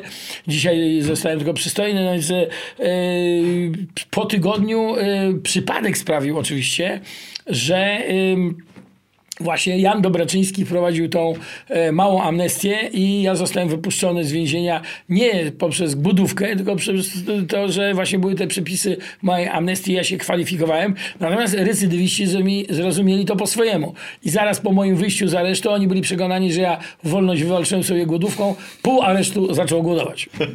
Żyją jeszcze? Tego nie wiem, tego nie wiem. Znaczy, wiesz, generalnie ym, y, siedziałem w tym areszcie śledczym w Kaliszu przy ulicy Jasnej. E, tam nie było jakichś wielkich, wiesz, e, nie wiem, e, e, jakiegoś kwinto, który tam, wiesz, jest super włamywaczem czy coś takiego. Byli przeważnie tak zwani kwadraciarze. Kwadraciarze, to wiesz co to jest? To są właśnie włamywacze. A, włamywacz, okej. Tak, bo kwadrat w slangu złodziejskim to jest Mieszkanie. właśnie Mhm. mieszkanie, wiadomo. Kwadraciarze, doliniarze to są kieszonkowcy. Doliniarze. A dlaczego doliniarze? No bo wkładają rękę w dolinę, tak? Czy... W dolinę patrzy w dół. Zawsze, zawsze yy, złodziej kieszonkowy nigdy nie patrzy w twarz, nie? bo twarz go nie interesuje. Kieszenie, on zawsze patrzy na kieszenie. Stąd patrzy w dolinie, stąd, stąd doliniarze. No i tacy, wiesz, byli jacyś tam tacy, by, by nabrali jakiś, jakiś a i, i dziesiona, dziesiona, to jest, znaczy ja mówię, operuję starym kodeksem, bo tego obecnego nie znam. Stary kodeks yy, za komunistyczny to artykuł dziesiona, czyli artykuł 210, czyli to było pobicie, pobicie, pobicie i jeszcze to jest taki, taki dziesiąta, to jest taki, że idziesz, walisz w kły kogoś i zabierasz mu portfel. To jest taki, i to już jest tak od chyba tam y, trzech lat w górę, czyli to byli tacy, i takich dziesięciarzy paru, paru tam było, paru włamywaczy i tak dalej, ale generalnie najciekawszy ekipa, z którymi siedziałem, to był gang Pingwina, Pingwin już nie żyje, więc mogę spokojnie opowiadać o nim, z Wrocławia, gang Pingwina z Wrocławia i to był artykuł 205, czyli oszustwa. Oj, Pingwin w tych czasach teraz internetowych myślę, że byłby milionerem i byłby jednym z, mógłby uczyć, mieć całą swoją uczelnię. Ale to był na- naprawdę niezły, bardzo inteligentny, to jest w ogóle po, szkole podstawowej chłopak, ale miał tak zwaną swoją ludową inteligencję i e, inteligencję nabytą, którą na przykład czytał książki. To był jedyny, który, który pożyczał ode mnie Dostojewskiego, bo e, część próbowała tam czytać, ale tam jeden wziął zbrodnię i karę. Mówi, to jest kryminał? Ja mówię, no, no są elementy kryminalne. I tak po 50 stronach powiedział, "No nie, jak się nie ciekawe, jak się za, dużo rozważań filozoficznych, wiesz. Także, także, a natomiast, natomiast Pingwin znał się na Dostojewskim i, i czyta, ale mówi, Krzysiu, no sorry, no, czytam tylko jak siedzę. Ja mówię, że na wolności nie mam czasu, nie mam czasu, nie? Ale ponieważ długo siedział, więc dużo przeczytał, nie? I, i jak pamiętam, ja miałem cały stos tych książek, przyszedł do mnie do, do, do, do, do tego i y, tam na stoliczku i patrz, mówi, to znam, to znam, o, tego nie znam, mogę pożyczyć? Bardzo proszę. Więc, więc z Pingwinem złapałem y, jakby taki trochę kontakt i to był artykuł 205 oszustwa. Oni po prostu, oszustwo okazuje się, ponieważ ja studiowałem teatrologię, więc bardzo mnie to interesowało. Oszustwo jest spektaklem teatralnym. Oni sprzedawali takie fałszywe jednorublówki złote, że to niby są jakieś złote tam ruble z czasów carskich i tak dalej, i tak dalej.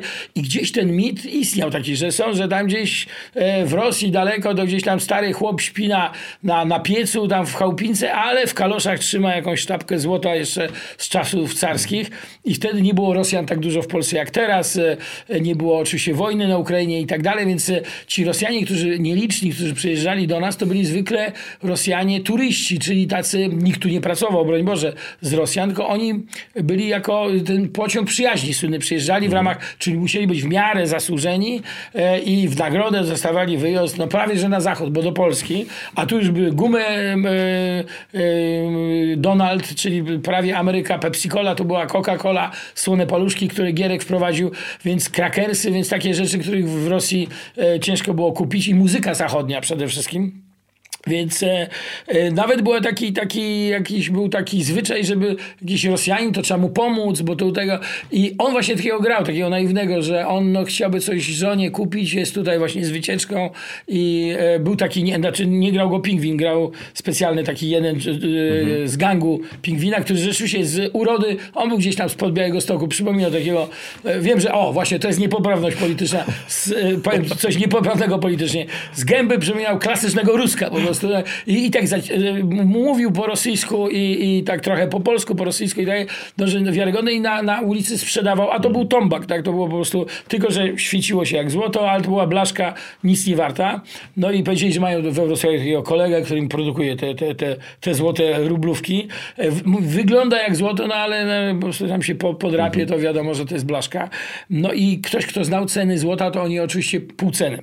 No i to właśnie na tym polega też spektakl teatralny, że i na tym polega też oszustwo. Nabierzesz chytrego, tylko chytry się da nabrać, że znasz, znasz cenę, on oferował tą na ulicy em, i to był pierwszy, to jest akt pierwszy. E, ale jednak kupno na ulicy może jednak trochę wzbudzać, się- chociaż wtedy na ulicy ludzie kupowali dolary nielegalnie, e, handlowali przecież pod Peweksem e, cinkciarze, instytucja cinkciarza, która dzisiaj zniknęła i jest legalnym handlem w kantorach wymiany walut. No wtedy była nielegalna, bo inny był kurs państwowy, inny był kurs realny. No w socjalizmie wszystko było udawane, tak jak dzisiaj ceny benzyny na przykład w, w Orlenie, które są kontrolowane. No wolny rynek kontroluje jak jest naprawdę, ale ten kurs państwowy był bardzo tani, ale nie do kupienia. Kurs, kurs realny był oczywiście droższy. Na tych różnicach cinkciarze zarabiali. I tak samo było z wszystkim, co można było nielegalnie kupić albo wymienić. Też kwitł w latach 80. handel wymienny. Nie, nie, nie interesowały nikogo pieniądze, bo te, za te pieniądze często nie można było nic kupić. Więc ja ci dawałem na przykład kanister benzyny, a za to brałem bebiko, e, czyli e, jedzenie dla e, niemowlaków, które nie było dostępne w sklepach. No i w ten sposób powrócono do handlu wymiennego gdzieś tam e, e, ze średniowiecza, e, ale właśnie re- realny socjalizm to ułatwił i tak odbywał się też ten handel tymi, tymi złotymi, że on chciał coś dla, że tam na u ruskich to nic nie ma, a tu jednak coś kupi dla, jakiś prezent dla swojej żony, no i cena atrakcyjna, no ale jednak ten człowiek na ulicy się waha. On się waha, on się waha i w tym momencie akcja podbicie. Scena numer dwa. Pingwin udaje przypadkowego przechodnia. I pyta się, zaraz, za chwileczkę, pan tu sprzedaje? No tak, no sprzedaje. Jaka cena? Taka i tak. I pingwin w tym momencie wyciąga pęgę pieniędzy, od razu bierze na, na wejściu i w tym momencie jest, y, działa mechanizm haczyk. Czyli y, zaraz, zaraz, przepraszam, no ale ja byłem pierwszy. I ten Rosjanin mówi, no tak, no bardzo mi przykro, ten pan był pierwszy. No ale no skoro, no dobra, skoro tak, to tego. I ten już jest, kupuje to, jest zrobiony i tylko trzeba Tak. spokojnie oddalić się. Mieli jeszcze swojego e, kierowcę, e, który, który, e, no i właśnie, mieli pecha, bo w Kaliszu trafili na, i codziennie tak żyli sobie przez, wystarczyło im raz dziennie taki numer zrobić i, i wszyscy byli, byli zadowoleni. Niestety w Kaliszu trafili na syna jubilera. Zresztą oni wiedzieli, że żeby, żeby jeszcze utrudnić, wiesz, e, zwykle teraz nie wiem, ale teraz to pewnie działają dłużej, ale w PRL-u jubilerzy e, niewiele było tych zakładów jubilerskich. Za bardzo im się nie chciało pracować. Bardzo często były zamykane o godzinie 17 już. No bo po co jubiler ma się prze... Ktoś, kto ma coś do jubilera, to sobie przyjdzie. Otwierane od 11, zamykane od 17 albo otwierane od 12 i żeby latem to jest jasno do, do 9, więc e, e, wiesz, żeby nie można było tego sprawdzić jubilera, bo jubiler by się zorientował w 10 sekund, że to jest po prostu blacha. Więc no i polowali między 17 a 18, sprawdzali o której godzinie jubilerzy się zamykają i, i w, te, w tym momencie to, to, to, to po prostu e, się odbywało. Natomiast no, w Kaliszu trafili na syna jubilera, który poszedł do taty. Mówi, tata zobacz jak tanio kupiłem. Tata sprawdził mi blacha.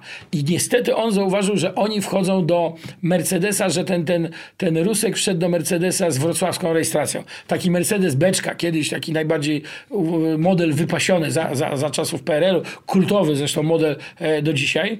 No i ponieważ w małych miasteczkach jest tak, że jubiler to zna i proboszcza, i szefa komendy, ko- komisariatu i po prostu ten jubiler zadzwonił na policję, miał tam, czy na milicję obywatelską, miał tam jakiegoś kumpla i powiedział, że taka jest wrocławska rejestracja, no i szybko zaczęli, zaczęli e, szukać i znaleźli ich e, w jakimś, oni się zatrzymali w jakimś zajeździe pod Kaliszem, niedaleko.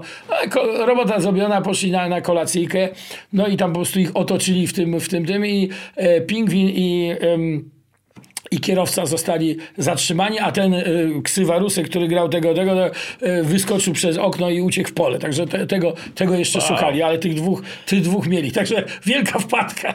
Świetne, ale jeszcze chciałem też o lata 90. cię zapytać, bo to jest e, myślę taki ciekawy okres, bo jeszcze trochę jest, wiesz, świeże wspomnienie PRL-u, z drugiej strony takie zachuśnięcie m, wolności, no i czasy twojego bycia rockmanem, więc jak, jak, jak, jak, jak ty je wspominasz, te czasy lat, lat 90., te wrażenia, tę energię społeczną, która wtedy była, no i swoje rockowe życie. To jest fantastyczne, jak zespół idzie w górę. Wiesz, my, my zawsze byliśmy tam od Berlina Zachodniego jakoś popularni, bo mieliśmy parę przebojów w radiowej trójce, a wówczas na początku lat 90., jak byłeś w radiowej trójce, to naprawdę znała ci cała Polska, bo jeszcze e, RMF raczkował, Radio Z e, chyba jeszcze nawet nie było. Więc jak e, Kapitan Żbik, e, Berlin Zachodni czy Piosenka Góralska trafiły na pierwsze miejsca e, radiowej listy przebojów radiowej trójki u Marka Niedźwieckiego, no to naprawdę byliśmy popularni, aczkolwiek z twarzy mało kto nas znał, bo wtedy jeszcze kable rockowe nie pojawiały się w telewizji, ale 93 rok to jest program Lala Mido, który z czasem stał się programem kultowym i na początku zaczynał od jako taki program na wakacje, taki, że mamy coś, tu coś mówimy śmiesznego, tu puszczamy teledysk i tak dalej. W zasadzie taki mało ambitny, głupkowaty program. Tak on bardzo szybko przekształcił się w program no, z e, takim absurdalnym poczuciem humoru i po latach stał się programem kultowym. Do dzisiaj są jakieś grupy na Facebooku, które po prostu e, mówią, że wychowali się na, na Lalamido i tam pojawili się moi koledzy z podziemia, właśnie Paweł Koniokonak, e, Paulus Mazur, e, e, Tymon Tymański, e, Jarek Janiszewski, to wszystko tak zwana gdańska scena alternatywna, ludzie związani z takimi podziemiem artystycznym z czasów PRL-u, no plus do tego ja, więc to dało taką eksplozję, a do tego mieliśmy jeszcze fantastyczne e, dziewczyny, modelki, Wiganna Papina, Wiesia Warszawska, więc rzeczywiście, które elektryzowały e, tłumy przed telewizorami, więc to spowodowało, że ten program, e, w którym z jednej strony to był taki program hybryda, leciał, wiesz, na przykład teledysk grupy Deserter, a z drugiej strony ja z koniem, wiesz, graliśmy w jakimś kompletnie absurdalnym sketchu, który, który, wiesz, który, który jednych paraliżował, a drugich... e, Ja pamiętam, że... był Oglądałem to wczoraj tam z jakimiś e, czasem pacynkami, figurkami, to, co- wygłupialiście Słuchaj, się. To co, to, co jest tam w internecie, to jest tylko wycinek, bo tych programów tak naprawdę. One niedawno były parę lat temu powtarzane przez. e, TVP przez, Historia, e, nie? TVP Historia i TVP Kultura. TVP E, Kultura, tak, Kultura, e, przepraszam. e, Tak, tak, tak, prezentował Te, te, te, programy. Nie no, sketchy było tam mnóstwo. Wielu z nich nie, nie, nie, dzisiaj by kompletnie nie, nie przeszło. To były właśnie czasy, Tak. kiedy nie było jeszcze Nie poprawności. było granic, za bardzo, nie? poprawności politycznej, ale fajne jest to, że właśnie dzisiaj spotykam wielu ludzi, którzy mówią mi, że, że na przykład, że wychowali się na Lalamido, że y, jeden taki stary reżyser mówił tak, że jak ja oglądam wasz program, to biorę wiadro i, i próbuję łapać e, obraz. Dlatego, że my jako pierwsi zastosowaliśmy metodę tak zwanej ruchomej kamery. To się może wydać teraz dziwne, bo oczywiście technika telewizyjna poszła bardzo do przodu. Jak dzisiaj się ogląda stare odcinki Lalamido, to one są, wydają się kompletnie archaiczne, ale na lata 90. to był program e, taki no, nowatorski i taki program nawet powiedziałbym właśnie no, duże słowo rewolucyjny. Czym była telewizja w czasach PRL-u? To byli jacyś smutni panowie, którzy oczywiście były pe- perełki w rodzaju e, kabaretu starszych panów, czy, czy kabaretu Olgi Lipińskiej, to były fantastyczne, doskonali aktorzy i tak dalej, ale tak zwane programy informacyjne, publicystyczne, to byli nudni kolesie, którzy zanudzali, opowiadali jakiś kwadrans rolniczy i tak dalej. Żenada kompletna, e, jakieś informacje na temat zbiorów rzepaku w województwie skiernieliskim. No, normalnego widza to nie było w stanie zainteresować, a tu nagle mm, i też taki styl prowadzenia, nawet wiadomości i tak dalej, był taki bardzo poprawny, taki bardzo mm, nudny, siermiężny. Natomiast to, co robiło Lalamido, no było jakby zupełnie w kontrze, zupełnie w oporze.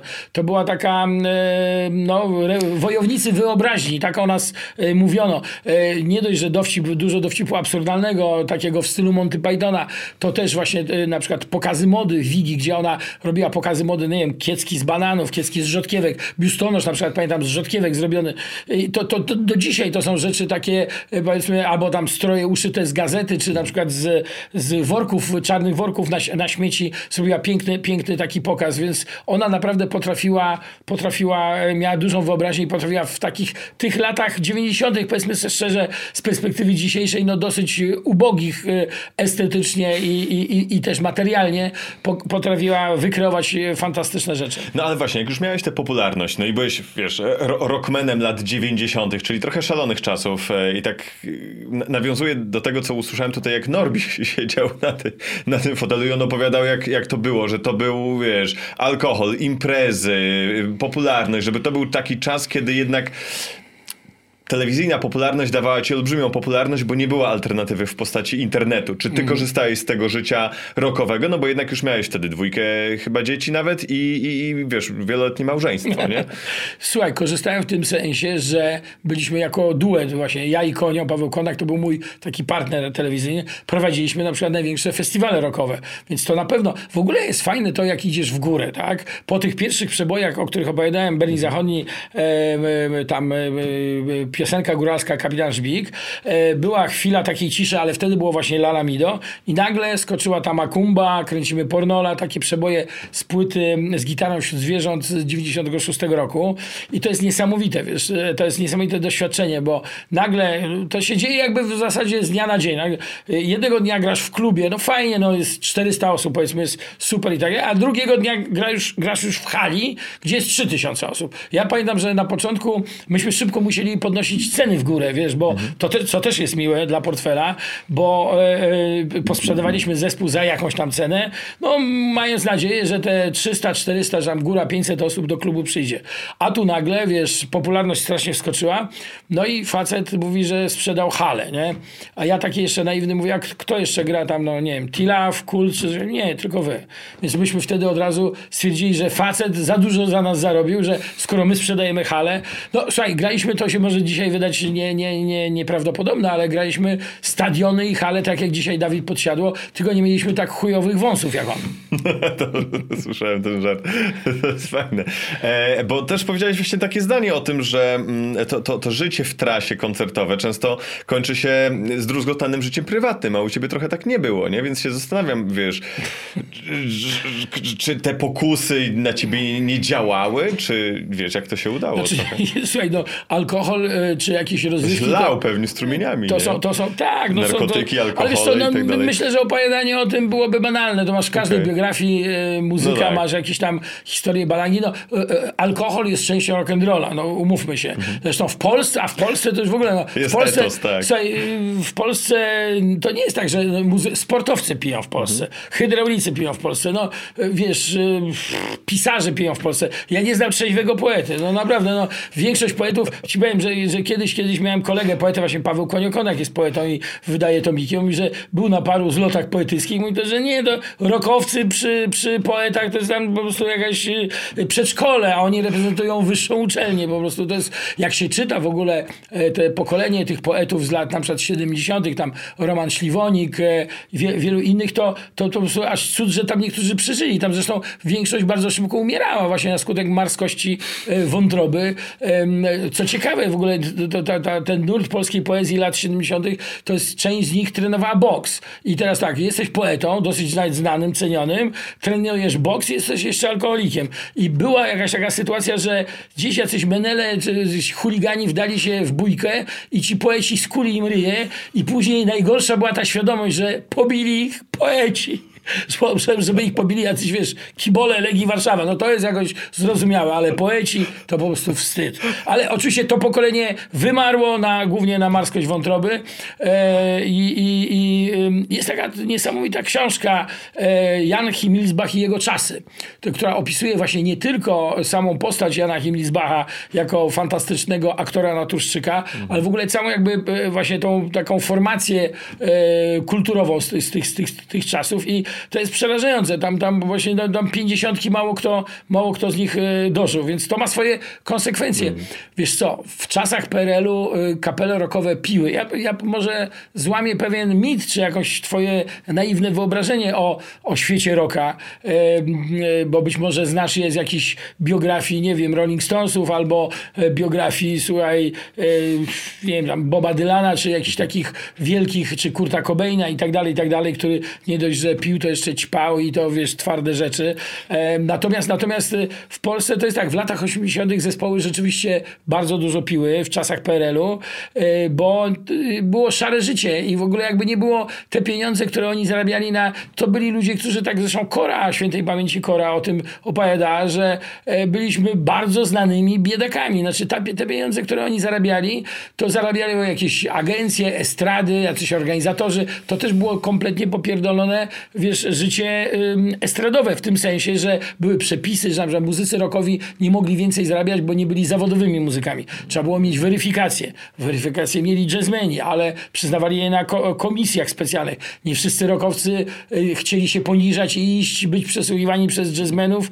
Wiesz, grasz stadion, y, gdzie tysiące, dziesiątki tysięcy ludzi na ciebie kupiło bilety, a później musisz starać, stanąć przed kilkoma facetami w brodach, którzy nie napisali żadnego przeboju, oni będą teraz oceniali, czy ty dobrze grasz na gitarze. No to jest dosyć, dosyć, niestety wielu jazzmenów w takich właśnie komisjach brało, brało udział, dlatego wielu e, fantastycznych muzyków, takich jak e, chociażby e, Wojtek Wagleski, takich jak Lech Janerka, czy słynny przecież Czesław Niemen, no i w ogóle nie mieli żadnych wiesz, szkół muzycznych, nie mieli żadnych weryfikacji muzycznych, natomiast jazzmeni na ogół byli po wyższych szkołach muzycznych, więc, więc te stawki też były absurdalne. No grasz stadiony, a zarabiasz grosze. To byli wszystko ludzie, którzy mieszkali w blokach, jeździli małymi Fiatami. To ja pamiętam, że y, śmieszny był taki, taki pierwszy, jeden z pierwszych teledysków Kai, która właśnie gdzieś tam jakiś czarnoskóry jedzie, jakaś limuzyna. I tak to oglądam i mówię, no, no wszystko to wypożyczone, wszystko, że dziewczyna jeździ, mają Fiaty i mieszka w bloku. Oczywiście zmienił to, zmienił to lata 90., zmienił to kapitalizm i muzycy zaczęli, zaczęli lepiej zarabiać. I wtedy w tej e, szarzyźnie życia e, e, to, to, to alkohol wydawał się jakimś sensownym rozwiązaniem. Zresztą ja uważam, że, że, że alkohol, e, alkoholicy pomiędzy jedną butelką a drugą butelką potrafią coś e, ciekawego powiedzieć, a ci, którzy wytrzeźwieli niekoniecznie. Przykładem Paweł Kukis. To a propos, już możemy tak klamrą e, zmierzać troszkę do końca i a propos wolności, jako wiesz, człowiek wal, walczący o wolność, nawet takie piękne zdanie na temat tych czasów PRL-u powiedziałeś, że byłeś wolnym człowiekiem w niewolnym systemie. E, I tak się zastanawiam w ogóle na samym Byłem, kon- byłem wolny w czasach, kiedy nie było to modne. To też, nie? A, ale zastanawiam się nad samym konceptem, bo jak sobie spojrzysz na przykład na internet, na, na w ogóle y, trochę stronę, w którą świat, świat zmierza, to my jesteśmy często gotowi bardzo wiele swojej wolności oddać w zamian za na przykład wygodę, za komfort czy za bezpieczeństwo. I się zastanawiam trochę przekornie, czy zatem wolność może nie jest, może, może nie jest tak wartościowym konceptem, jak nam się wydaje. Słuchaj, są ludzie, którzy bez wolności nie mogą żyć. E, Taką formacją, mam nadzieję, są artyści. Którzy bez wolności są jak ryby na piasku, po prostu szybko przestają oddychać. Natomiast e, albo stają się artystami dworskimi, co jest jeszcze bardziej smutne. No, być, bycie rządowym artystą, czy artystą takim, e, wiesz, e, tak zwanym dworskim, czy takim, wiesz, na, na, na posyłki, no to jest, to jest, nie ma nic smutniejszego. Natomiast z przyciętymi, to jest taki artysta tak zwany z przyciętymi skrzydłami. Natomiast na pewno są środowiska, gdzie, gdzie ta wolność nie jest jakaś taka uświadomiona może, w tym sensie, że wolność jest każdemu człowiekowi potrzebna, ale wolność też powoduje odpowiedzialność. Wolność jest trudna, nie jest łatwa. My naiwnie myśleliśmy w PRL-u, że no, wystarczy wolność, wystarczy, że Ruscy stąd wyjdą już będzie ok.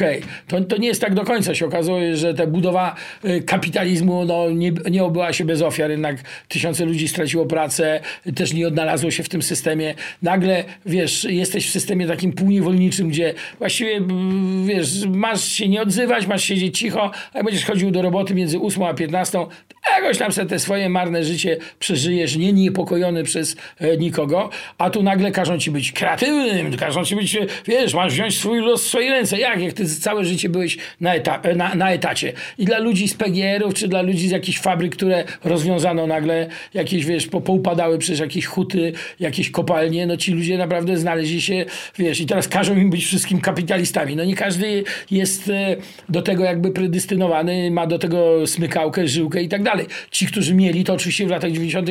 od razu sobie poradzili, tworzyli jakieś najpierw przemytnicze formacje, które właśnie o tym pisze, wiesz, jest, śpiewa zespół Bixy z piosenka Berlin Zachodni. Najpierw zorientowali się, że tu taniej, tu drożej, wystarczy przewieźć, sprzedać, zarobić i tak dalej.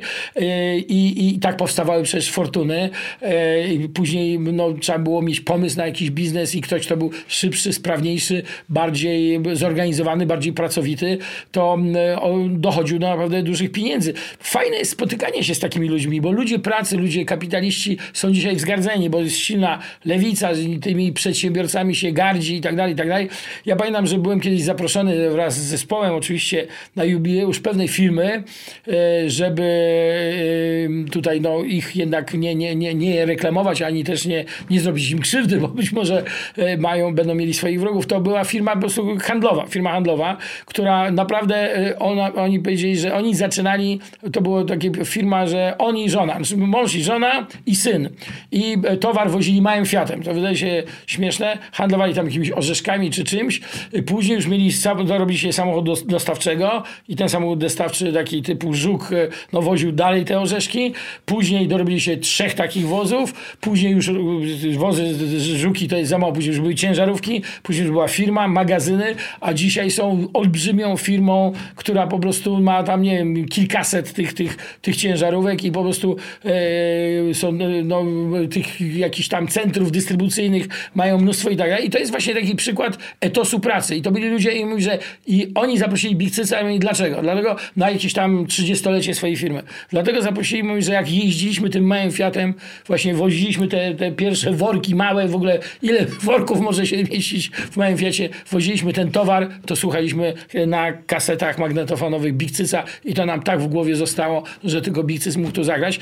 I ja powiem Ci, że byłem dumny, że jakby ludzie, którzy słuchali Big Cyca, doszli do takich pieniędzy, mają takie sukcesy, to jest fajne, to jest super, bo ja nigdy nikomu nie zazdrościłem e, pieniędzy i Absolutnie nie jestem materialistą, dlatego ostatnio rozstając się z żoną zostawiłem jej 90% majątku, dlatego że dla mnie na przykład miałem zawsze kolegów takich, którym brakowało na piwo albo brakowało do pierwszego, ale miałem też zawsze kolegów, którzy mieli bardzo dużo pieniędzy i mam ich do dzisiaj, którzy, są, którzy mają jakieś jachty czy są milionerami i to, że są moimi kumplami, y, to jest y, nie to, kto ile ma w kieszeni, tylko czy my mamy jakieś wspólne porozumienie, czy mamy podobne poczucie humoru, czy się po prostu lubimy, czy lubimy ze sobą przebywać. A nienawidzę ludzi, którzy właśnie epatują kasą albo się nią chwalą, bo na pewnym etapie to jest normalne, że masz pieniądze i na pewnym etapie jest normalne, że masz e, prywatny samolot, czy tam willę z basenem i tak dalej. I to, to mnie w ogóle absolutnie nie szokuje. Ja wręcz odwrotnie, ja w ogóle nikomu nie zazdroszczę, tylko się cieszę, że moi kumple do takich pozycji doszli i to jest fajne, bo to jest takie amerykańskie myślenie, że skoro sąsiad ma basen i Cadillaca, to może ja pracując i płacąc podatki w tym kraju, też kiedyś dojdę do basenu i do Cadillaca. Ja oczywiście nie mam takich ambicji, żeby mieć Cadillaca czy basen, ale mówię tutaj e, metaforycznie. I tego nam w Polsce brakuje, bo my sobie zazdrościmy, my sobie, no to jest to słynne, słynne, e, słynny taki dowcip, że, że, że jak, jak, jak, jak wiesz, jak e, e, sąsiadowi e, krowa się e, ocieliła, no to, no to jak pojawiła się u sąsiada złota rybka, to pierwsze życzenie, co chcesz? No mógł zażądać złotego Nie, on zażądał, żeby temu sąsiadowi krowa zdechła z tymi, z tymi, z tymi cielakami. Więc to, to jest takie, wiesz, no cieszymy się z, z cudzych nieszczęść. Pamiętam też, jak kiedyś na przykład y, takie przykre sprawy, jak e, e, Adam Małysz, no, y, to jest właśnie polski bohater, tak, który przyniósł Polakom wiele radości, zdobył dla nas jakieś złote medale dla Polski, e, mistrzostwa i tak dalej. Od niego zaczęły się te e, f, fanatyczne e, kibicowanie e, skok, sk- skoczkom narciarskim. I jak mu się spalił dom, na, przy- te, jakaś, e, jakiś, jakaś tam jakaś fundacja była i spalił się dom, to w internecie były opinie na biednego nie trafiło. Więc nawet on, albo jak sobie Lewandowski kupił Teraz na, nawet na Lewandowskiego jest mnóstwo hejtu tak, przecież tak, tak, też. tak, tak, tak, tak. Także, także y, właśnie, bo mówiłeś o tych granicach wolności, że, że rzeczywiście no, dzisiejsze czasy, ja, ja zawsze mówię to młodym ludziom, że paradoksalnie my w latach 80. mieliśmy łatwiej, bo wszyscy mówią, że mieliśmy trudniej, bo nie było mięsa, nie było tego, nie było tego, nie było papieru, dlatego staliśmy w kolejkach i tak dalej. Ale wybory były łatwiejsze. Byli my i oni, było ZOMO i byliśmy my. I, i ten podział świata był naprawdę prostszy, a dzisiaj te granice tak łatwo nie, nie przebiegają, są, są, są o wiele trudniejsze i odnaleźć się w tym świecie, gdzie jest mnóstwo z jednej strony hejtu, ale z drugiej strony jest mnóstwo e, też fejków, wiesz, e, fałszywych stron, fałszywych informacji, e, wiesz, na, na różne tematy i polityczne i takie. Russia Today zatrudnia, czyli rosyjska stacja informacyjna, Tak, tak. zatrudnia aktorów, którzy udają, słuchaj, wiem, że mają aktora na przykład tam premiera Wielkiej Brytanii, jakiegoś, wiesz, prezydenta Francji i tak dalej. I czemu to służy? No, Służy właśnie chaosowi. Ten, ten chaos w mediach bardzo często powodowany jest właśnie przez e, rosyjskie farmy troli i ludzie sobie nie zdają, zdają sprawę. Często w dobrych intencjach publikują jakieś, ja pozbyłem się bardzo wielu znajomych, którzy publikowali jakieś rosyjskie właśnie e, fałszywe treści, na przykład antyukraińskie. Tak, w ogóle nie mam, nie mam sentymentów, takich ludzi od razu kasuję, kasuję ze znajomych, czy jakiś, jakiś tam antyszczepionkowców i tak dalej. 80% e, informacji antyszczepionkowych jest generowanych przez rosyjskie e, portale, tak? I są wymyślane różne akcje i tak dalej. To wszystko ma e, za zadanie skłócić Europę, e, zasiać niepokój. łatwiej- tak, łatwiej się steruje stare prostu, metody. Jednak, jednak Rosjanie pamiętajcie o jednym, bo my, my, u nas jest też taka szkoła, że y, o, Rosjanin, tego, idzie Rosjanin w jednym bucie y, i podchodzi do niego y, towarzysz, mówi, towarzyszu, zgubiliście but. Nie, znalazłem. No, no więc to jest, że niby biedna Rosja i tak dalej. Ale pamiętajcie, że to są szachiści. I są dwa narody, które dobrze grają w szachy. Izrael i Rosjanie.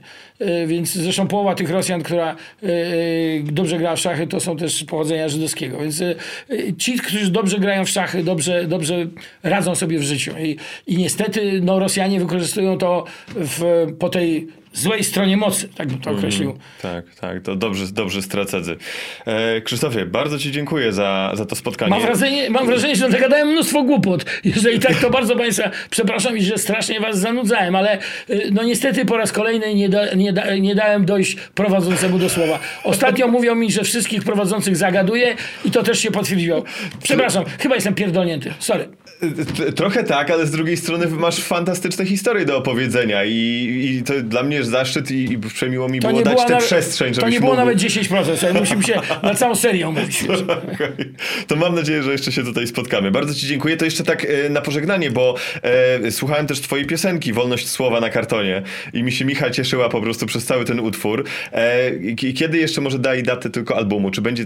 Kiedy... Lada moment, dosłownie lada dzień wyjdzie płyta pod tytułem Wolność Słowa na kartonie, Mhm. Skąd pochodzi ten, ten, ten numer.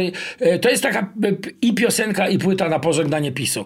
E, mocno antypisowskie piosenki, ale właśnie żegnamy PiS, żegnamy was z uśmiechem na ustach i żegnamy płytą. I mam nadzieję, że trochę odetchniemy, że trochę i satyrycy zajmą się innymi tematami. Ja mam dużo tematów niepolitycznych. Zresztą cały mój program komediowy polega na tym, że dwa, tak naprawdę 20% to jest o polityce, bo gdybym ja przez dwie godziny na scenie opowiadał o polityce, nawet śmieszne rzeczy, to myślę, że że byłoby to e, niestrawne. Także mam nadzieję, że nastąpi to takie wyżyganie się polityczne i teraz przez jakiś czas e, odetchniemy wszyscy, będziemy mogli sobie robić żarty, e, nie wiem, z na przykład par, który, które mają różnicę wieku, albo na przykład z ludzi otyłych, albo na przykład z ludzi, którzy nie dają prowadzącym dojść do słowa. O, taki program, taki dowcip prawdopodobnie byłby bardzo zabawny.